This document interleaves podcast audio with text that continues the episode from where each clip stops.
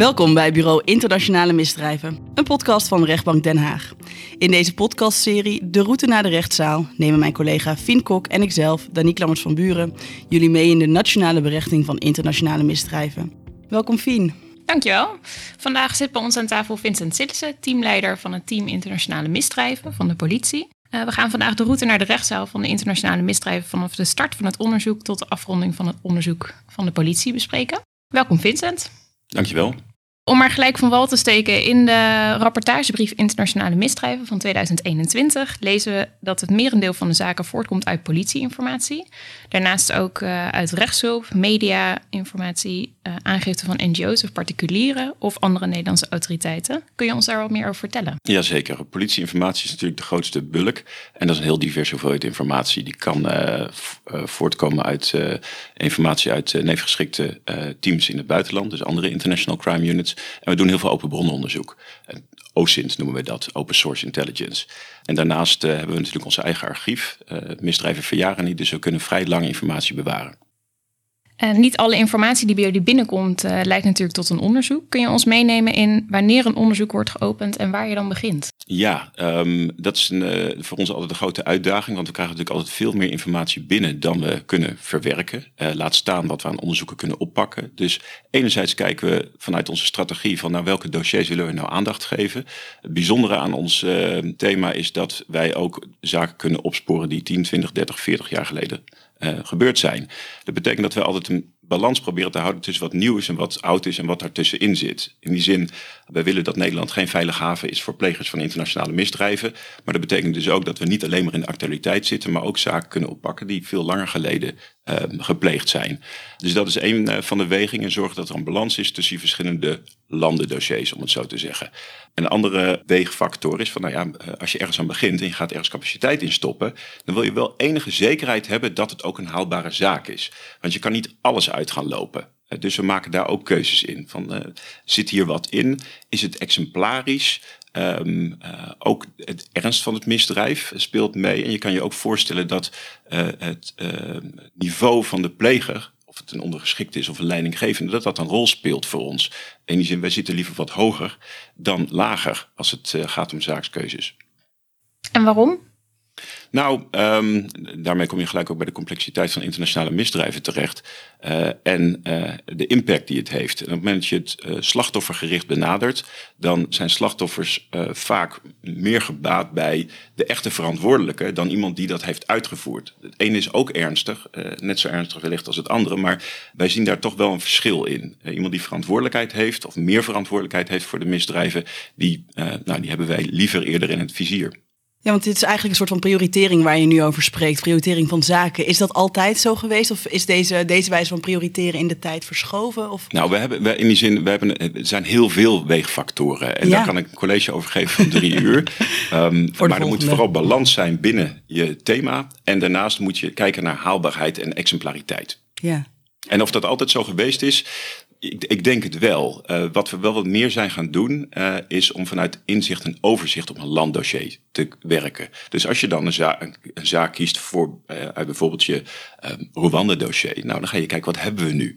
En welke mensen komen nou, als eerste in aanmerking. Dat, je dat, niet, dat er geen willekeur in zit. Dat het echt gewogen is, ook binnen je landdossiers, welke zaak je dan oppakt. En zoveel mogelijk op basis van inzicht en overzicht. En er komt bij dat we, ja, uh, wat we dan noemen, meer datagedreven gaan werken. Dus dat vanuit een grotere hoeveelheid informatie overzicht en inzicht genereren. En dan de juiste keuze daarin proberen te maken.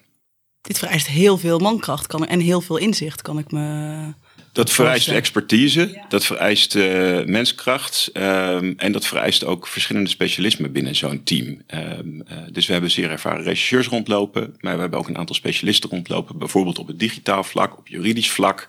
Um, we hebben een antropoloog rondlopen, we hebben een historicus rondlopen. Dus um, ook als we zo'n zaak gaan bekijken, dan, dan, dan moet je toch wel goed weten waar je aan begint. En er komen meerdere factoren bij kijken. En ook bij een zaakskeuze moet je van tevoren niet alleen maar kijken naar hoeveel mensen je nodig hebt, maar ook welke vaardigheden je daarvoor nodig hebt. En die zijn minstens ook cruciaal.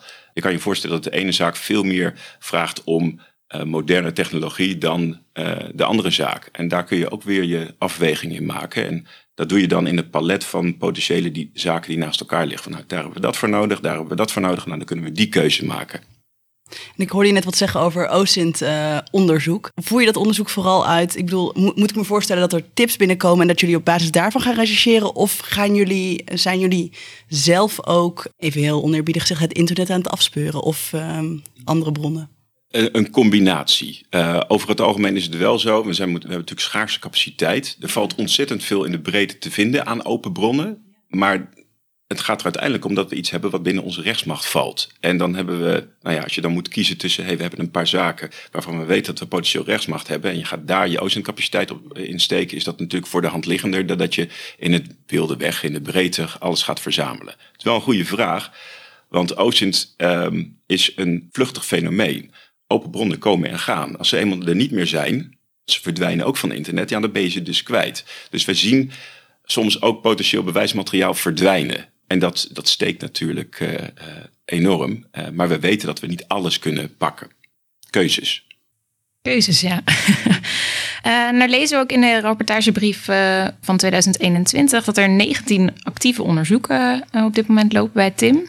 Dat zijn behoorlijk wat onderzoeken. En jullie team is inmiddels uitgebreid naar 42 FTE. Uh, kun je ons iets vertellen over de onderverdeling binnen het team? Je sprak er net al een beetje over wat, ja. welke expertises jullie in huis hebben. Zeker. Ik denk dat het uh, belangrijk is om uh, duidelijk te maken dat ons team het hele werkproces voor zijn rekening neemt. Dus vanaf het eerste moment dat er een stukje informatie binnenkomt, tot het filteren van al die informatie, tot het opwerken naar een projectvoorstellen, om het zo te zeggen, en dan een weging van hey, gaan we hier langdurig opsporingscapaciteit opzetten. Praktisch gezien komt erop neer dat we een strategisch cluster hebben waar ook de specialisten onder vallen. Die kijken naar alles wat er binnenkomt. Vervolgens worden daar keuzes gemaakt. Dan hebben we nog drie tactische clusters die meer langdurige onderzoeken oppakken. Um, en dan als specialisten van het strategisch cluster ondersteunen ook weer de tactische clusters. Dankjewel. En nog, nog willen we graag naar een andere invalshoek, want we uh, spraken net al eventjes over de verschillende internationale misdrijven opsporingsteams in Europa. Binnen Europa zijn verschillende landen zeer actief eh, met het opsporen van internationale misdrijven. Kun je ons iets vertellen over de samenwerking tussen de politiediensten? Jazeker. Um, we hebben twee belangrijke platforms op Europees niveau. Uh, enerzijds Eurojust, dat is een, echt een netwerk, het genocide-netwerk wat daar gehuisvest is. Uh, daar zitten officieren van justitie van alle uh, verschillende international crime units en de teamleiders. Die zien elkaar daar twee keer per jaar. Er wordt nou, kennis en ervaring gedeeld. En anderzijds hebben we Europol. En Europol, dat is feitelijk een, die hebben een analytische functie. Dus die, die verzamelen informatie, analyseren informatie komt informatie binnen, er wordt informatie weer gedeeld. Daarnaast hebben we natuurlijk heel veel bilaterale samenwerking. En je ziet ook dat in de loop der decennia er steeds meer landen zijn die zo'n gespecialiseerde unit hebben. Uh, dat was twintig jaar geleden een ander verhaal dan nu. En je ziet ook dat het een groeiend fenomeen is. Ja, want jullie bestaan al een tijdje natuurlijk. De Nederlandse ja. unit bestaat al vrij lang, begrijp ik toch? Ja, klopt. En je de, de, de, Nederlandse unit heeft een ontwikkeling doorgemaakt. En onze, onze, onze historie ligt eigenlijk uh, in het, bij het Joegoslavië-tribunaal. Uh, toen zijn we als ondersteunend team opgericht om voortvluchtige Joegoslavische oorlogsmisdadigers te traceren. En dat heeft zich in de loop der jaren, decennia eigenlijk uitgebouwd tot een zelfstandig onderzoeksteam. Um, en uh, met de komst van de wet internationale misdrijven en, 20 jaar geleden heeft dat ook meer body gekregen op, op juridisch vlak. En merk je nou nog verschillen, want het zijn natuurlijk allemaal verschillende landen die zich dus hiermee bezighouden. Zijn er nou nog opvallende verschillen tussen uh, de Nederlandse politie manier van samenwerken en buitenlandse teams? Ja, zeker. In die zin, sowieso ook binnen Europa heeft elk land zijn eigen cultuur. Uh, dus de samenwerking met, met, met Frankrijk is toch even net wat anders dan met Duitsland. Um, uh, maar goed, we kennen elkaar vaak al wel heel erg lang, omdat we dat netwerk hebben. Dus het is niet zo dat op het moment dat wij naar een, een, met een ander land moeten gaan samenwerken, dat we dan moeten gaan uitvogelen wie dan onze partners zijn. Die kennen we gewoon. Dus dat maakt het wel weer heel makkelijk. Aan de andere kant zien we ook wel verschillen in rechtsmacht. Dus, uh, maar dat is echt de juridische kant van het verhaal. Het ene land kan en mag wat meer dan het andere land. Tegelijkertijd zie je ook dat het altijd wel weer afhangt van de capaciteit die per land beschikbaar is. Ene land heeft een hele grote war crimes unit, en andere land een wat kleinere. En in sommige landen zijn er ook nog regionale eenheden. Bijvoorbeeld Duitsland, dat is een veel complexer verhaal dan Nederland. Nederland is klein, compact, hebben één team, dat doet alles. En in Duitsland is dat, naast het Bundeskriminaalamt, zijn het ook uh, lokale units die daarin uh, ondersteunen. En nou ja, zo kun je elk land afgaan. Um, en per land is het ook nog wel zo dat de verhoudingen politie, openbaar ministerie, inlichtingendiensten verschillen. En dat je daar ook rekening mee moet houden. Met wie zit je nou aan tafel of met wie moet je aan tafel zitten om je werk gedaan te krijgen. Ja. En is de TIM een van de grotere teams binnen Europa of is dat vergelijkbaar? Ik denk dat het TIM een van de grotere teams is. Uh, maar je moet het altijd wel in verhouding zien tot de omvang van een land. Uh, dus uh, Nederland is een relatief klein land. Dan heb je dus een relatief groot team. In, in die zin is dat ook wel logisch. Nederland is natuurlijk ook gastland van heel veel internationale rechtsmechanismen. Het tribunaal, strafhof. dus Nederland dient ook wel wat voorhanden te hebben wat dat betreft. Ja. Nou zijn internationale misdrijven zaken natuurlijk vaak in het buitenland tot nu toe. Hoe kom je de getuigen op het spoor? Nou, heel divers. Getuigen kunnen zichzelf uh, melden. Zeker als ze zich in Nederland bevinden, dan kunnen ze zich melden bij ons van goh, ik ben getuige of slachtoffer. Je ziet daar wel heel veel terughoudendheid in, omdat de meeste mensen die slachtoffer of getuige zijn van een internationaal misdrijf over het algemeen een zeer slechte ervaring hebben met alles wat met overheid te maken heeft. Zeker in het buitenland, maar goed, soms ook hier. Dus je moet ook maar even net weten dat er zoiets bestaat. Als je weet dat het bestaat, dat je daar op een veilige manier mee uh, in zee kan gaan. En dat, daar zijn wat drempels voor mensen, dat begrijpen we zelf ook heel goed. En anderzijds kan het ook zijn dat we getuigen aangeleverd krijgen vanuit een ander land. Van goh, we hebben hier een getuige zitten, die is relevant voor jullie. Al dan niet bilateraal of via Europol. We doen ook wel eens getuigen oproepen, bijvoorbeeld via Facebook uh, advertising. Uh, onlangs hebben we nog een opsporingsverzocht item gehad voor, met betrekking tot IS en dan door hun gepleegde oorlogsmisdrijven richting Yazidis. Dus oldschool en, uh, en new school door elkaar. En ja, dat, dat blijft een belangrijk verhaal. Naast dat wij inderdaad steeds meer op uh, social media en, en, en OSINT leunen, foto- en videomateriaal, blijven getuigen toch echt wel cruciaal in onze onderzoeken. Dus het vinden van de getuigen en het kunnen samenwerken met getuigen, dat, dat blijft wel een uh, cruciale factor. Merk je dat dat um, zo'n laagdrempeligere manier, zoals bijvoorbeeld zo'n Facebook-oproep um, voor getuigen, merk je dat dat uh, werkt om dat om groepen die een beetje wantrouwig zijn te bereiken? Of heb je andere manieren om die groepen te bereiken? Nou, we hebben ook andere manieren. We hebben natuurlijk ook contact met NGO's. Die uh, helpen ons vaak. Die hebben vaak contact met diaspora-groepen. Of ja. vertegenwoordigen zelfs ja. een diaspora-groep. Die kunnen ook soms wat betekenen in die vertrouwenskwestie. Van, goh, is het veilig en hoe werkt dat dan? Die kunnen soms ook een beetje uitleggen wie we zijn en wat we doen. Hoeven ze niet gelijk met ons aan tafel, maar dan kennen ze iemand die ons kent. Dat kan helpen. En ja, um, zo'n zo'n oproep via nou ja, de klassieke opsporing verzocht of via Facebook dat ligt heel erg aan waar je je precies op richt. Dus je kan je voorstellen dat um, de ene uh, diaspora groep veel meer moeite heeft met het benaderen van ons dan de andere groep. Uh, dat kan ook te maken met de historie. Uh, maar dat kan ook te maken hebben met uh, dat mensen zoiets hebben van ja, nu ben ik veilig. Ik wil er helemaal niets meer mee te maken hebben. Het is allemaal leuk en aardig, maar ik, en, of ik, ik durf het niet. Uh, niet vanwege ons, maar omdat ze denken van nou, als wij praten met de politie in Nederland, dan heeft dat repercussies voor onze familie en vrienden in het land van herkomst. En dat zijn terechte angsten. En dat is ook uh, realistisch gevaar. Dus daar moeten wij zelf ook altijd heel erg mee opletten. Los van het mentale welzijn van, van, van getuigen die vaak getraumatiseerd zijn, gaat het ook om de feitelijke veiligheid, fysieke veiligheid van de entourage. En op het moment dat die zich buiten Nederland bevindt, dan wordt het voor ons een stuk lastiger om daar uh, handen en voeten aan te geven. Ja, je sprak net al even over de, de veiligheid van uh, getuigen. Nou weten wij natuurlijk dat als uh, een getuige op een gegeven moment aangeeft dat hij echt vreest voor zijn eigen veiligheid of die van familie, dan is er een mogelijkheid dat iemand als bedreigde getuige wordt aangevoerd. En in dat geval is het ook een ander team die dat weer van de politie doet, toch? Ja, klopt. Daar werken wij dan mee samen. Er zijn verschillende manieren om mensen uh, out of the picture te houden. Deels of, of, of in zijn geheel. En het kan ook in het ergste geval, of ergste geval, dat is niet helemaal de juiste manier van uitdrukken. Op het moment dat wij gewoon zien dat wij die veiligheid niet kunnen garanderen, dan gaan we natuurlijk niet kosten, kosten wat kosten zo'n zaak draaien. Omdat we per se die getuigen willen hebben. In die zin, we willen niet meer ellende veroorzaken door onze onderzoeken. En je sprak net al eventjes ook over de culturele verschillen. Want die getuigen kunnen natuurlijk soms uit een hele andere cultuur komen. Misschien ook wel wantrouwig zijn tegenover autoriteiten. Omdat het in hun land uh, uh, helemaal niet vanzelfsprekend is dat je iemand van de politie kan vertrouwen.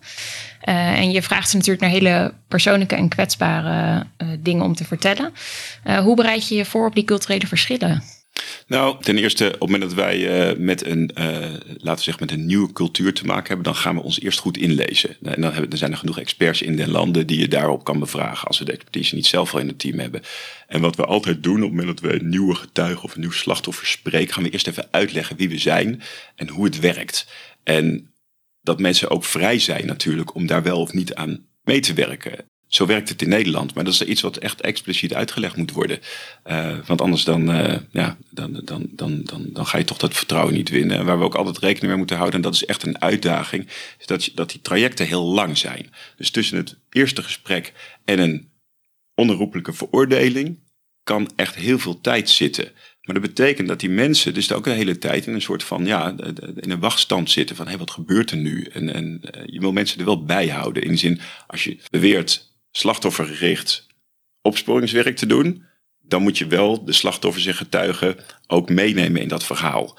Um, en nou ja, de, vraag gaat ook komen van, nou ja, uh, wanneer houdt jullie werk dan op? Nou, eigenlijk pas als, een, als er een onherroepelijke veroordeling is. Ook in hoger beroep spelen wij nog een rol. Al is het maar naar de getuigen toe, uh, dan wel naar de zaak zelf toe. En hoe moet ik me dat voorstellen? Hebben ze een soort van vertrouwen of een, soort contactpersoon um, gedurende dat hele proces? Of hoe, hoe geef je dat vorm? Ja, nou ja, in die zin, we hebben rechercheurs in het team, uh, specialisten in het team en wij onderhouden die contacten. Um, zo goed en zo kwaad als dat gaat. Uh, wetende dat we ook natuurlijk personeelsverloop hebben. Er komen mensen binnen, dan gaan mensen weg. Dat zijn echt wel uitdagingen. Zeker als het echt heel lang duurt. Maar nou ja, in een gezonde rechtsstaat moet die rol van die getuigen, die slachtoffer, de veiligheid van die rol moet wel heel erg goed gebaarborgd zijn. Ja. Is het uitgangspunt van het uh, team internationale misdrijven om getuigen waar mogelijk in het, uh, in het land van herkomst te horen of in Nederland? Nou ja, eigenlijk de locatie van verblijf.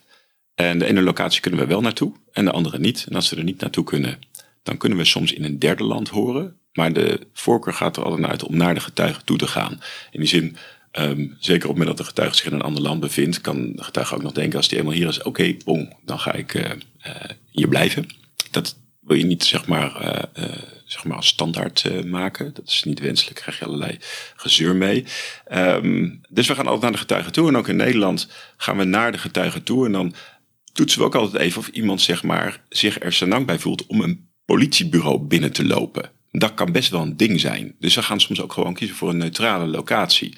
Omdat dat ook gelijk effect heeft op de, op de relatie en op het welzijn van een getuige of een slachtoffer. En als een getuige zich in Duitsland bevindt, ja, dan gaan we gewoon naar Duitsland toe. Of ergens in Europa. Um, of in de Verenigde Staten of weet ik wat. Dus we gaan er in principe naartoe. Tenzij we er niet naartoe kunnen, dan gaan we kijken of er een derde land is waar het kan. Zonder dat dat allerlei consequenties heeft. En dat moet je echt heel erg voorzichtig mee zijn. Um, en uh, dat leidt soms ook ergens toe. En ja, soms houdt het op. Dan is een getuige geen getuige.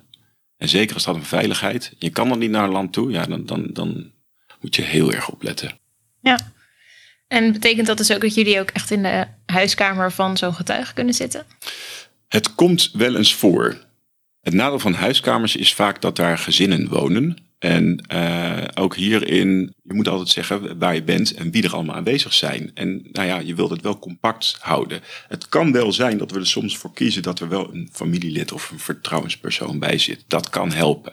Maar je moet altijd wel goed uitleggen dat zo iemand dan ook genoemd wordt in een procesverbaal bijvoorbeeld. Tenzij het natuurlijk een anonieme getuige is, dan wordt het weer een ander verhaal. Maar in de basis moet je er altijd wel rekening mee houden dat de locatie ook negatief kan uitpakken als die heel veilig voelt voor slachtoffer of getuige. Dus ja, altijd nadenken. Wie is er? Waar ben je? Wat voor impact heeft het op de zaak en op de getuigen? Nou hebben wij ook ervaren hoe uh, uh, cruciaal het belang van een goede tolk is in, uh, in dit soort zaken. zowel natuurlijk gewoon voor, voor, de vertaling, maar ook voor de vertrouwensband. Dat het belangrijk is dat zo'n getuige het idee heeft dat, het, dat die tolk ook um, uh, begrijpt wat echt begrijpt wat diegene zegt en dat ook goed vertaalt. Werken jullie met vaste tolken? Nou, we werken nooit formeel met vaste tolken. Tolken zijn ZZP'ers. Uh, maar in de praktijk komt het wel op neer dat we een aantal tolken hebben die heel langdurig verbonden zijn aan ons team als ZZP'er. En uh, dat heeft echt wel voordelen in die zin, er komen hier een paar specialismen bij elkaar waar ook een tolk mee van doen heeft. Het is meer dan alleen maar gewoon vertalen wat iemand zegt. Er zit ook een culturele component bij. Een tolk komt zelf vaak ook uit dat gebied. Um, dat, dat kan heel erg helpen. En tegelijkertijd moet je ook rekening houden dat sommige uh, getuigen juist niet willen praten met een tolk die uit hun um, nou ja, land of regio afkomstig is. Omdat daar ook weer een vertrouwenskwestie op kan zitten. Dus er zijn verschillende factoren waar we rekening mee houden. Maar um, ja, we zijn vaak langdurig verbonden met dezelfde tolken. En uh, zeker voor bepaalde taalgebieden zijn het ook nog schaarse schaarse tolken. Dus uh, ja, daar komt best wat bij kijken. En dat, is, dat kan een complex verhaal zijn, ja. ja. ja. Ook een intensieve taak voor zo'n tolk, kan ik me voorstellen. Ja, in die zin, we moeten nooit onderschatten dat uh, een verhoor, uh, maar ook het, uh, het, het, het, vertalen van teksten of het uitluisteren van teksten mentaal erg belastend kan zijn. Nou ja, in een verhoor kun je je voorstellen dat het met name voor het slachtoffer of getuige belastend is. Dat kan ook voor de regisseur zijn, maar vergeet nooit de tolk. Die zit daar ook nog eens tussen en die krijgt het ook allemaal maar mee. En die, ja, dat zijn ook gewoon mensen die ook gewoon gevoelens hebben en daar vaak heel professioneel in zitten. Maar dat moeten we vooral niet vergeten. Nee. Ja. Omdat we het nu hebben over de heftigheid van dit soort zaken. Um, voor zowel voor de tolken, maar natuurlijk ook voor jullie, voor het gehele team, voor, voor jou als teamleider. Hoe ga je daarmee om? Ja, de ervaring leert dat iedereen daar individueel heel anders mee omgaat. Dat mensen ook heel anders reageren, individueel op wat heftig is. Uh, dat er ook best wel een vertraging in kan zitten voordat het wat met je doet. Dat sommige mensen heel primair reageren op heftig materiaal. En sommige mensen die denken, nou, ik heb er eigenlijk helemaal nooit last van. En op een gegeven moment, acht jaar later, is het opeens klaar. Dat is niet volledig te ondervangen. Dat is gewoon een risico van het vak. Ook voor de tolken overigens. Wat wij wel bieden, uh, al een aantal jaren lang, is in ieder geval één keer per jaar een, wat we een mental check-up noemen. Dus één keer per jaar word je uitgenodigd om met een onafhankelijke psycholoog een gesprek te voeren. Om te kijken of die werk-privébalans nog op orde is. Om te kijken wat de impact is van de inhoud van het werk. En dat is in ieder geval één keer per jaar. En mensen kunnen altijd zo vaak als ze willen daar nog extra gesprekken in aanvragen. Maar dan blijft natuurlijk het risico dat het uh, een onvoorspelbaar uh, fenomeen is. Wat doet zoiets met je op de lange termijn? Ja. ik weet niet of je hier antwoord op wil geven. En zeg, geef vooral van als je het niet wil. Maar um, wat heeft het met jou gedaan? Ja, kijk, en, en, dan spreek ik niet alleen voor mezelf, maar ook voor mijn, voor mijn team. Op het moment dat je resultaten behaalt, en dat kan meer zijn dan alleen maar een veroordeling. Hè? Dat kan ook zijn dat iemand zijn verhaal kwijt heeft gekund aan jou dan geeft het anderzijds ook heel veel voldoening. Dus er is ook een balans. In die zin, je bent met een heel erg zwaar uh, misdaadfenomeen uh, bezig. Dat komt heel dichtbij. Zeker met foto- en videomateriaal met getraumatiseerde mensen. Maar anderzijds, als je er wat mee kan doen, dan geeft dat ook een soort van controle en voldoening op het gegeven. Dus wat het doet, ja, zolang er, uh, successen zijn of kansen op succes, dan is die motivatie er ook echt wel. En dat, dat maakt heel veel goed, om het zo te zeggen. Ja, dat kan ik me voorstellen. Ja. ja. Zoals je net al zei, gaat het dus vaak om langlopende onderzoeken. Wanneer ga je samen met de officier van justitie, is, wordt die beslissing genomen, maar wanneer ga je nou over tot aanhouding? Nou, ook die beslissing nemen we, eh, neemt de officier van justitie, natuurlijk in overleg met ons. En dat is eigenlijk wel gedurende het hele werkproces. Van het eerste moment tot en met die aanhouding, tot en met het hoger beroep. Het hele, zitten we heel dicht tegen elkaar aan. Ik denk dat het ook wel past bij dit thema om gewoon de hele tijd uh, synchroon naast elkaar te werken. Je tactische analyse moet synchroon lopen met je juridische analyse, met je planning, met de capaciteit die bij het OM aanwezig is, ja, capaciteit die bij de politie aanwezig is. En dat je dat, als je goed samen optrekt, dan, dan, dan werkt dat. En wanneer gaan we over tot aanhouding? Nou, vaak zijn we dan al heel ver gevorderd. In die zin, uh, uh, een verdenking heb je vrij snel, maar een ronde zaak, dat is een ander verhaal. Maar in de basis wachten wij, in ieder geval zo voelt het dan, lang. Dat we echt weten dat we, dat we ver zijn. Langer dan in, uh, dan in communestrafzaken? Ja, ik denk dat onze onderzoeken duren sowieso langer. Uh, en we willen wel uh, een, een, een, goede bewijspositie hebben voordat we overgaan tot een aanhouding. En uiteindelijk je sluit iemand op. En hoe ja. lang wil je iemand in voorarrest hebben? Zeker, ja. En denk je dat, want je zegt ik wil een goede, of een goede bewijspositie, heb je het over. Wordt het lastiger om onderzoek te doen wanneer het onderzoek geklapt is, zeg maar? Wanneer... Dat is heel dubbel. En dat, is echt, dat hangt echt van de zaak af. Het kan ook zo zijn dat op het moment dat bekend is dat verdachte binnen zit, dat er getuigen of slachtoffers uh, zijn die denken van, oh, maar nu durf ik wel te praten. Oh, of ze horen dan via via dat iemand is aangehouden. Dat, dat, dat kan ook meewerken. Maar dat is natuurlijk iets wat je niet kan voorspellen van tevoren. Uh, dus dat, dat pakt heel erg uh, wisselend uit per, per, per zaak. Ja. In lang niet alle onderzoeken kunnen jullie als uh, politie afreizen naar het land waar de feiten hebben plaatsgevonden, omdat er geen rechtsoprelatie is. Dat dwingt tot uh, creatieve oplossingen, zoals geolocating. Je sprak net ook al even over OSINT. In een recente internationale misdrijvenzaak hebben jullie uitgebreid onderzoek gedaan aan de hand van geolocating. Hoe pakken jullie zo'n onderzoek aan? Ja, Kijk, we weten van tevoren natuurlijk op het moment dat we aan een onderzoek beginnen of er op dat moment wel of niet een rechtsoprelatie bestaat of kan gaan bestaan. Het kan zo ook nog zijn dat we bijvoorbeeld een onderzoek niet oppakken en op een gegeven moment een situatie ontstaat waarin er wel weer een mogelijkheid is om, uh, om te gaan samenwerken. soms heb je een regime change en dan kun je opnieuw overwegen of je een zaak wel of niet opstart. Maar goed, Syrië is een goed voorbeeld daar kunnen we geen rechtshulp mee bedrijven, om het zo te zeggen. Dus dan moeten we andere uh, middelen zoeken. Uh, en dat betekent dat wij onze getuigen uit andere landen halen. Dat, en er zijn veel getuigen in Europa te vinden, bijvoorbeeld voor Syrië. Tegelijkertijd is er ook heel veel open bronneninformatie. Uh, wat ik al zei, OSINT, dus foto- en videomateriaal. Daar is altijd weer de uitdaging van, hey, wat zien we nu? Wie zien we op die video? Waar was dat? Wanneer was dat? Soms heb je helemaal niet die achterliggende data of die metadata. Dan heb je alleen maar sec je filmpje. Ja, dan moet je gaan zoeken. En er zijn gewoon inmiddels op deze wereld gewoon veel mensen, en gelukkig ook een aantal mensen binnen mijn team, die dat kunnen. Uh, of het netwerk hebben om uh, de tooling te vinden om dat te bepalen. En het is echt wonderbaarlijk hoe dat, uh, hoe dat af en toe gedaan wordt. Dat je echt denkt van, nou, maar je, hier kun je toch echt nooit achterkomen waar dit was. Ja, en dan zijn er toch een paar kenmerken op de achtergrond of de stand van de zon of, of, of weet ik wat, of, of weet ik wat, kleding die alleen in een bepaalde periode is gebruikt. Dat je denkt van, oh ja, het was toen en daar. En nou ja, dan kom je ergens. Maar het is zoals serieus puzzelen, echt recherchewerk, maar wel modern uh, recherchewerk. Dat, ja, dat is toch iets wat ik denk 20, 30 jaar geleden nauwelijks voorkwam. En tegenwoordig zie je dat veel van onze nieuwere zaken, of in ieder geval de zaken van misdrijven die de afgelopen tien jaar hebben plaatsgevonden, dat element in zich hebben. Foto's, video's, geolocation. En je sprak net al even over echt recherchewerk, dat puzzelen. We kunnen ons dus ook voorstellen, omdat natuurlijk hier de misdrijven vaak plaatsvinden in het buitenland, uh, soms ook heel lang geleden, dat een belangrijk onderdeel van het onderzoek is dus ook achtergrondinformatie. Gewoon hoe was de situatie toen, uh, wat was het conflict.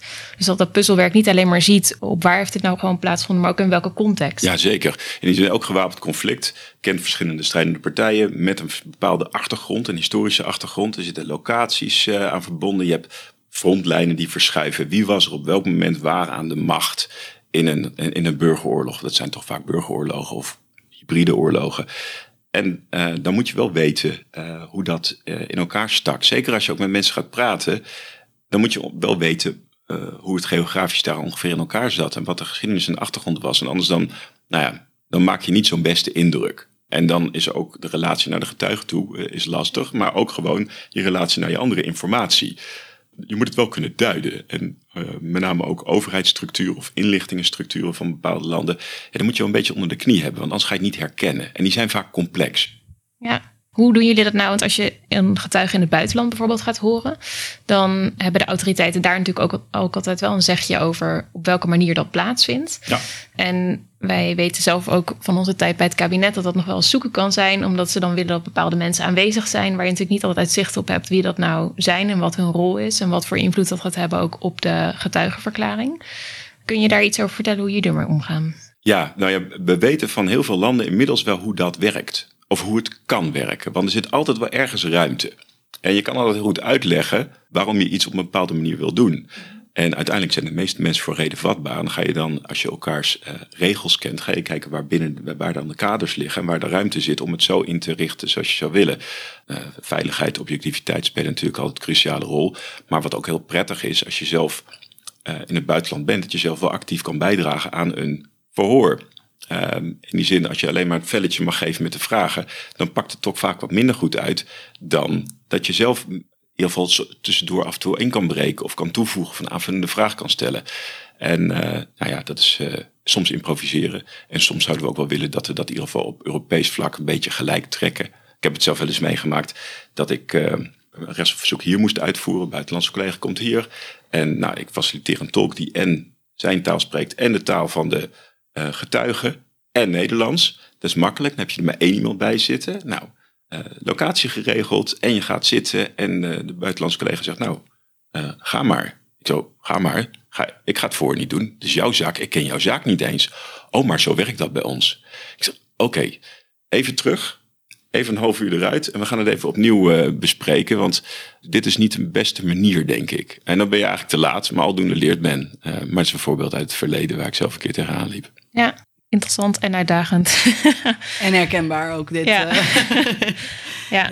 ja. we zijn ook benieuwd, wat heeft je het meest verrast in het werk in internationale misdrijven? Nou, verschillende dingen. Het eerste wat mij te binnen schiet is dat je dan kan gaan denken van hey, je doet het wat langer met zo'n team, uh, dit soort onderzoeken, maar er is nooit een onderzoek wat je kan uh, leggen op het format van het vorige onderzoek. Elk onderzoek is weer uniek. Elk onderzoek moet je weer opnieuw dingen gaan uitvinden en uitvogelen. Dus we hebben nooit soort van, oh ja, zo'n zaak hebben we al een keer eerder gehad, doe je dat en dat en dat. Het is nooit routine.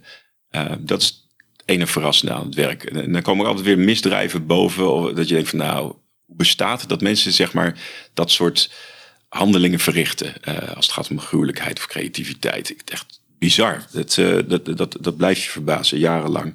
Aan de andere kant, wat er verrassend is, nou ja, niet, niet zozeer meer als je er wat langer mee bezig bent, maar wat ik zelf wat verrassend vind als je het van buitenaf bekijkt, is de complexiteit van samenwerkingsverbanden. We werken natuurlijk heel we werken nationaal, we werken heel ook internationaal, we werken met politiediensten, maar we werken ook heel veel met uh, bijvoorbeeld NGO's. En die kunnen ook nationaal zijn, maar die kunnen ook in het buitenland zitten. En dan komen dan altijd weer uh, dingen om de hoek kijken van, hey, wat mag ik nou wel geven? Wat kan ik vragen? Um, dat is eigenlijk de doelstelling van deze private organisatie. Sommigen hebben een commerciële inslag, anderen hebben een mensenrechtelijke inslag en die zijn non-profit. Uh, sommige van die organisaties zitten heel erg op het cybergebeuren. Die zitten heel veel op het digitale domein. Die verzamelen informatie vanuit het zolderkamertje bij van spreken. En anderen die hebben weer boots on the ground in conflictgebieden.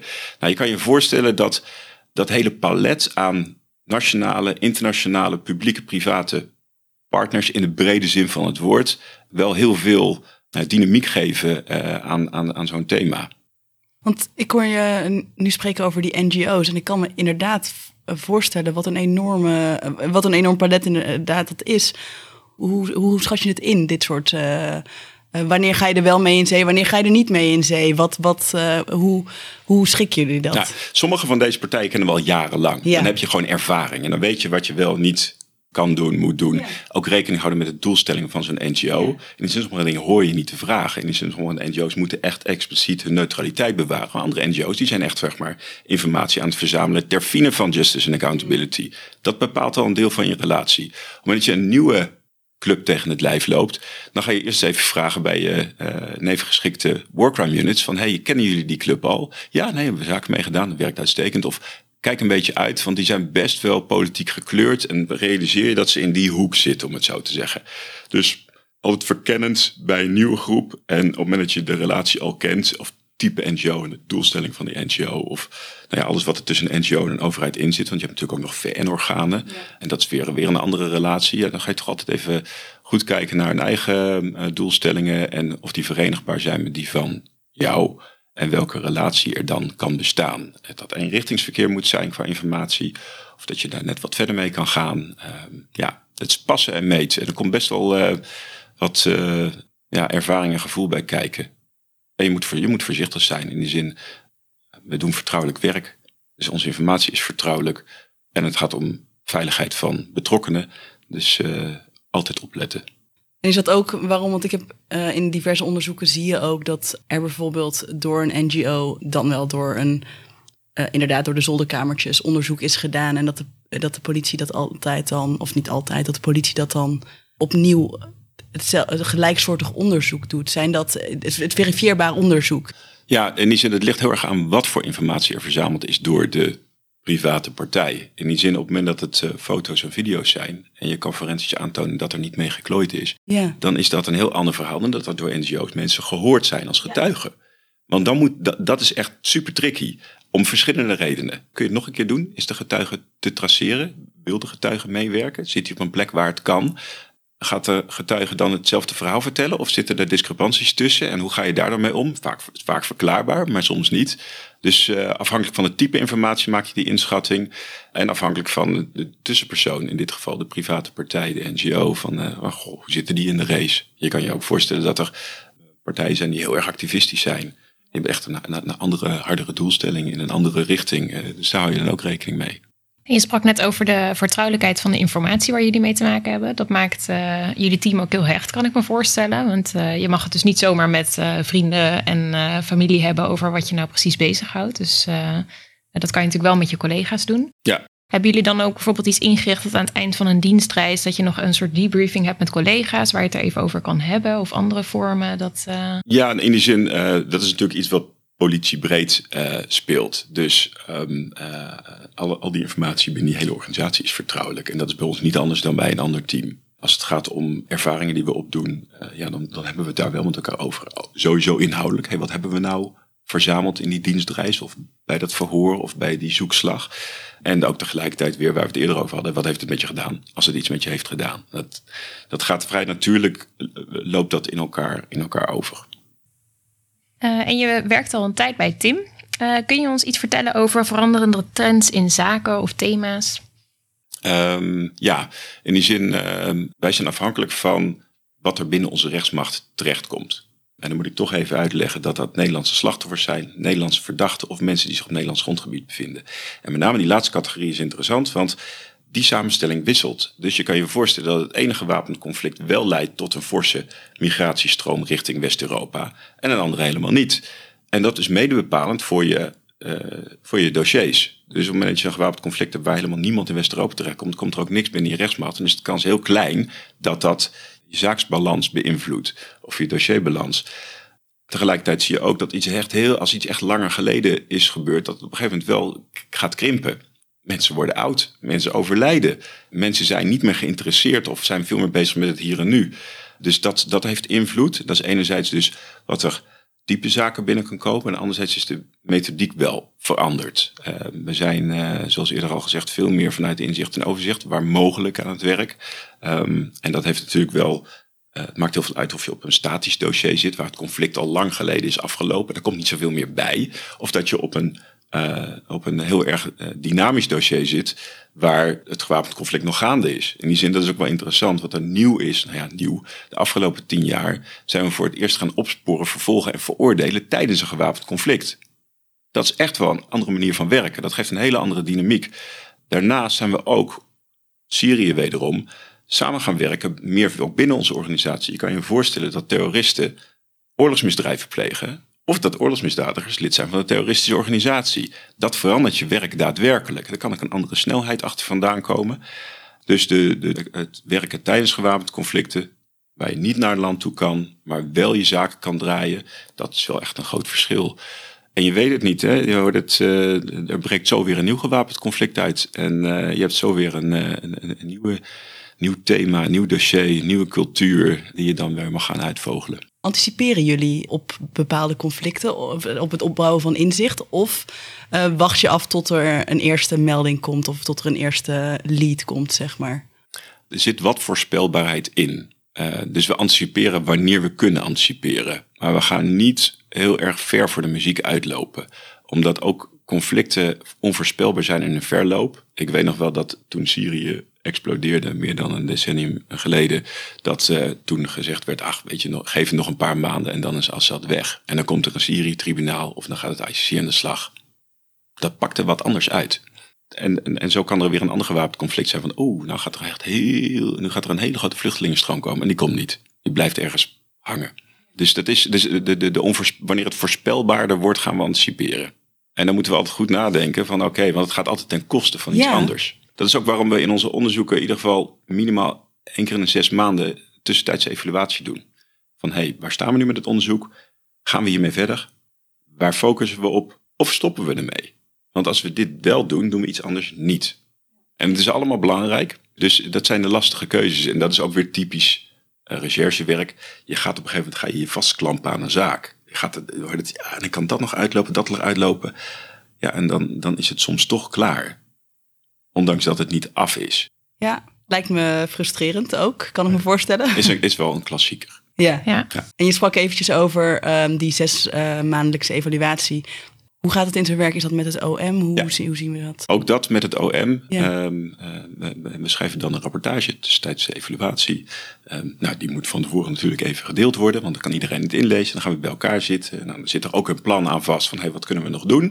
En dan maken we daar keuzes in. Het, het loopt snel weg. Um, je kan zo uh, jaren ergens mee bezig zijn als je niet tussentijds af en toe even de pitstop maakt. Of, ja, dan, dan ben je niet uh, secuur met je capaciteit bezig. En je sprak net over uh, die combinatiezaken, dus internationale misdrijven en terrorisme.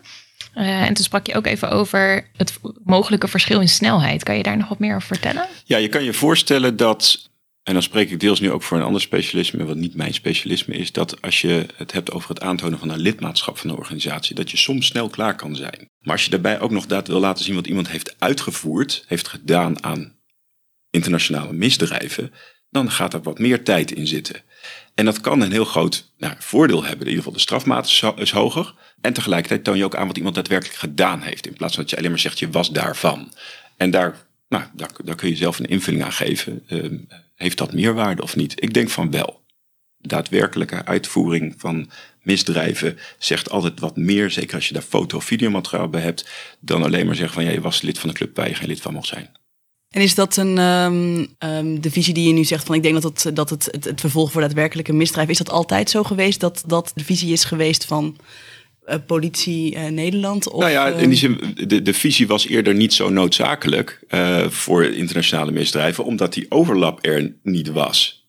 Pas sinds Syrië is dat echt ja. grootschalig samengekomen. En moet je dus ook gaan samenwerken. Hebben we die samenwerking ook opgezet. En zie je dus dat je daar je keuze in moet maken. Want het kan ook nog zijn dat er halverwege een terreurzaak een IM-feit bij komt. Ja. Of halverwege IM-zaak een terreurfeit. En dan moet je wel kunnen schakelen en uh, elkaar kunnen vinden. En liever doe je dat helemaal aan het begin. Maar dat is soms niet altijd gegeven. Want dan kun je vooraf afstemmen waar je naartoe gaat. Bijvoorbeeld, IM moet naar de rechtbank in Den Haag. Nou, reken maar uit. Dankjewel voor je openhartigheid en uh, het interessante gesprek.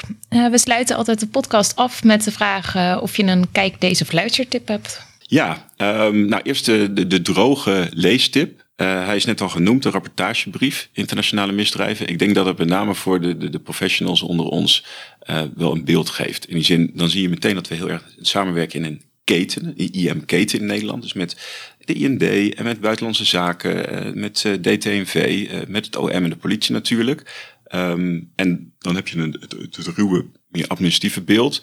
Als je wat meer beleving wil en inmiddels misschien een beetje gedateerd, dan is er een aantal geleden, jaar geleden is er een documentaire reeks gemaakt over het team internationale misdrijven. Die heet Oorlogsrecherche. Die is denk ik op internet wel terug te vinden. Het is wel even tijd terug en er is best wel wat veranderd. Maar goed, voor de beleving is dat misschien nog wel een aardige. En uh, als luistertip, en dan zijn we compleet, recentelijk ook podcast opgenomen met uh, Yazidi Voices. Uh, samen met Yazidi Legal Network. En nou ja, er zit een overlap in met dit verhaal, maar er komt ook nog weer wat anders langs. Uh, wellicht ook aardig. Dank, leuk. Nogmaals, dank voor dit gesprek. Volgende keer gaan we in gesprek uh, met het Openbaar Ministerie, met officier van Justitie Mirjam Blom. Dit was Bureau Internationale Misdrijven. Dank voor het luisteren.